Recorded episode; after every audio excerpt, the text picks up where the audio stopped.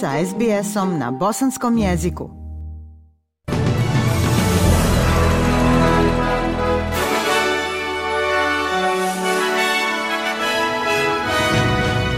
U današnjim vijestima poslušajte. Izrael predlaže dvomjesečni prekid vatre u zamjenu za oslobađanje talaca.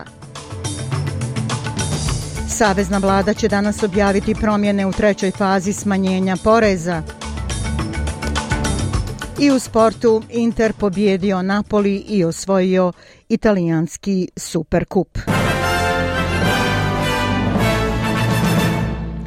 Australija je prvi put upotrijebila ovlasti za sankcije sajber kriminala i nametnula ih Rusu, koji je umiješan u provalu mreže kompanije za zdravstveno osiguranje Medibank u oktobru 2022. Podaci najmanje od 9,7 miliona klijenata Medibanka kompromitovani su i objavljeni na dark webu tokom tog napada, uključujući imena, datume rođenja i brojeve telefona. Vlada je sada imenovala ruskog državljanina Aleksandra Emrakova zbog njegove uloge u hakerskom napadu i proglasila krivičnim dijelom razmjenu dobara s njim, uključujući i upotrebu kriptovalute. Za svako kršenje sankcija predviđena je kazna do 10 godina zatvora. Ministrica sajber sigurnosti Claire O'Neill kaže da je ovo historijski dan, nazivajući hakerski napad na Medibank jedinstvenim, najrazornijim sajber napadom koju je Australija doživjela.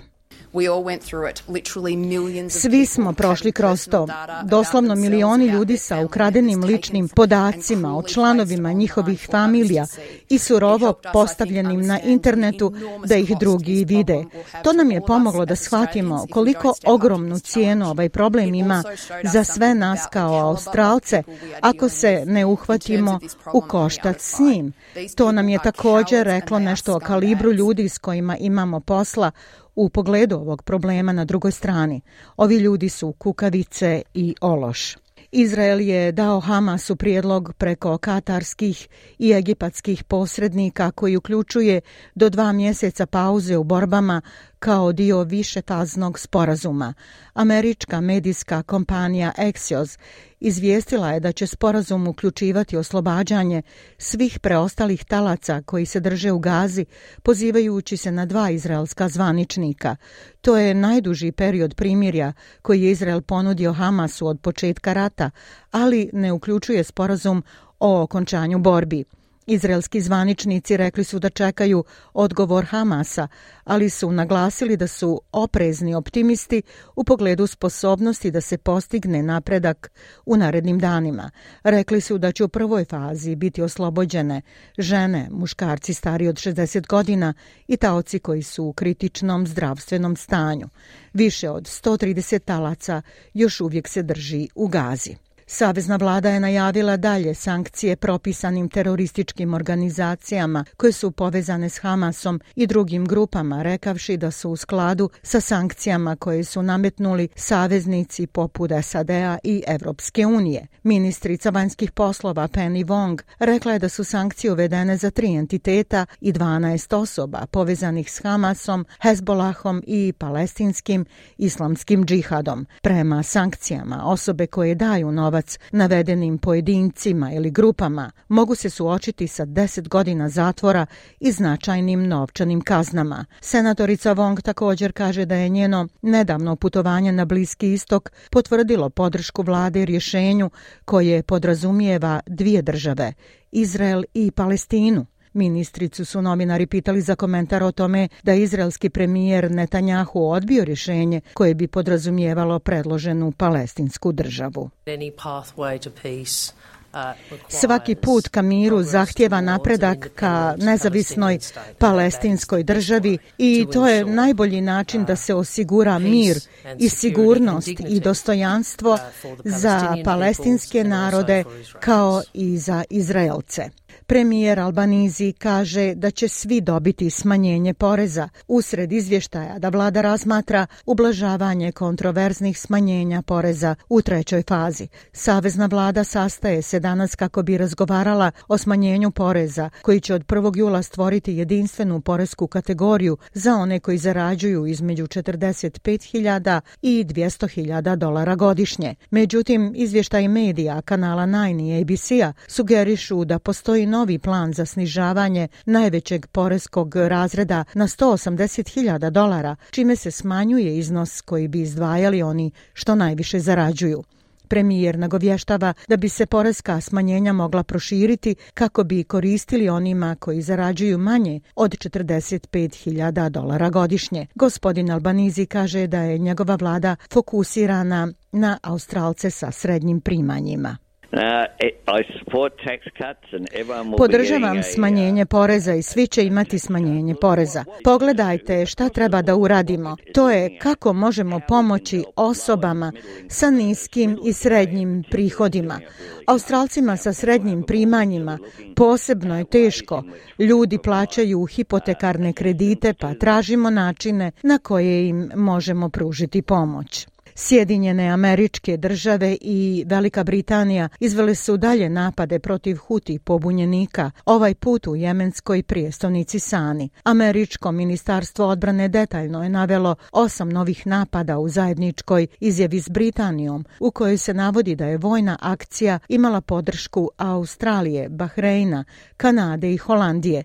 Huti tvrde da su također pogodili američki teretni brod u blizini obale Jemena, ali su zvaničnici američke odbrane negirali napad. Pobunjanička grupa je ponovila da će odgovoriti na svaki napad na Jemen i nastaviti gađati brodove koji prelaze Crveno more u znak protesta protiv izraelskog rata u Gazi. Policija koja istražuje pljačku skladišta u Melbourneu naišla je na više od dvije tone nedozvoljenog duhana i cigareta. Nalog za pretres preduzeća u Altoni Not doveo je do otkrića više od dvije tone duhana. Policija Viktorije fokusirana je na nedozvoljenu trgovinu duhanom, a u toku su velike istrage o desetinama podmetanja požara na radnje za prodaju duhana u prošloj godini. Vlasti vjeruju da su napadi povezani sa eskalirajućim sukobom između ribalskih kriminalnih sindikata.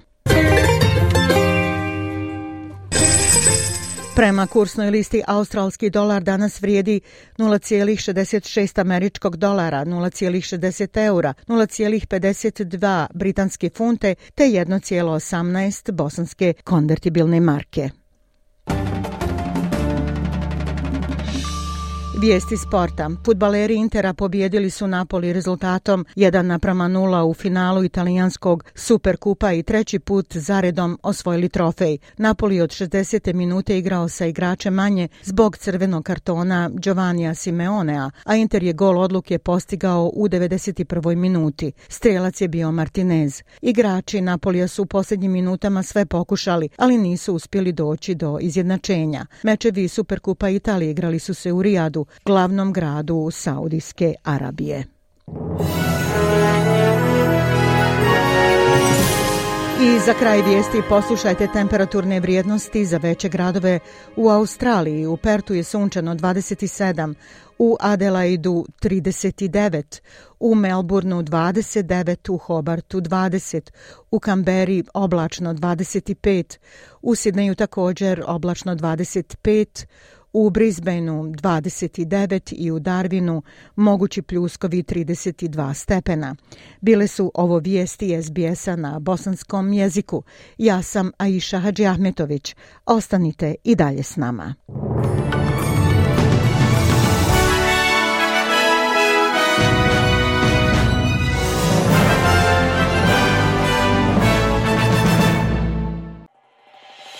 SBS na bosanskom. Podijelite naše priče preko Facebooka. Želite poslušati još ovakvih priča? Slušajte preko Apple podcasta, Google podcasta, Spotify ili kako god da primate svoje podcastove.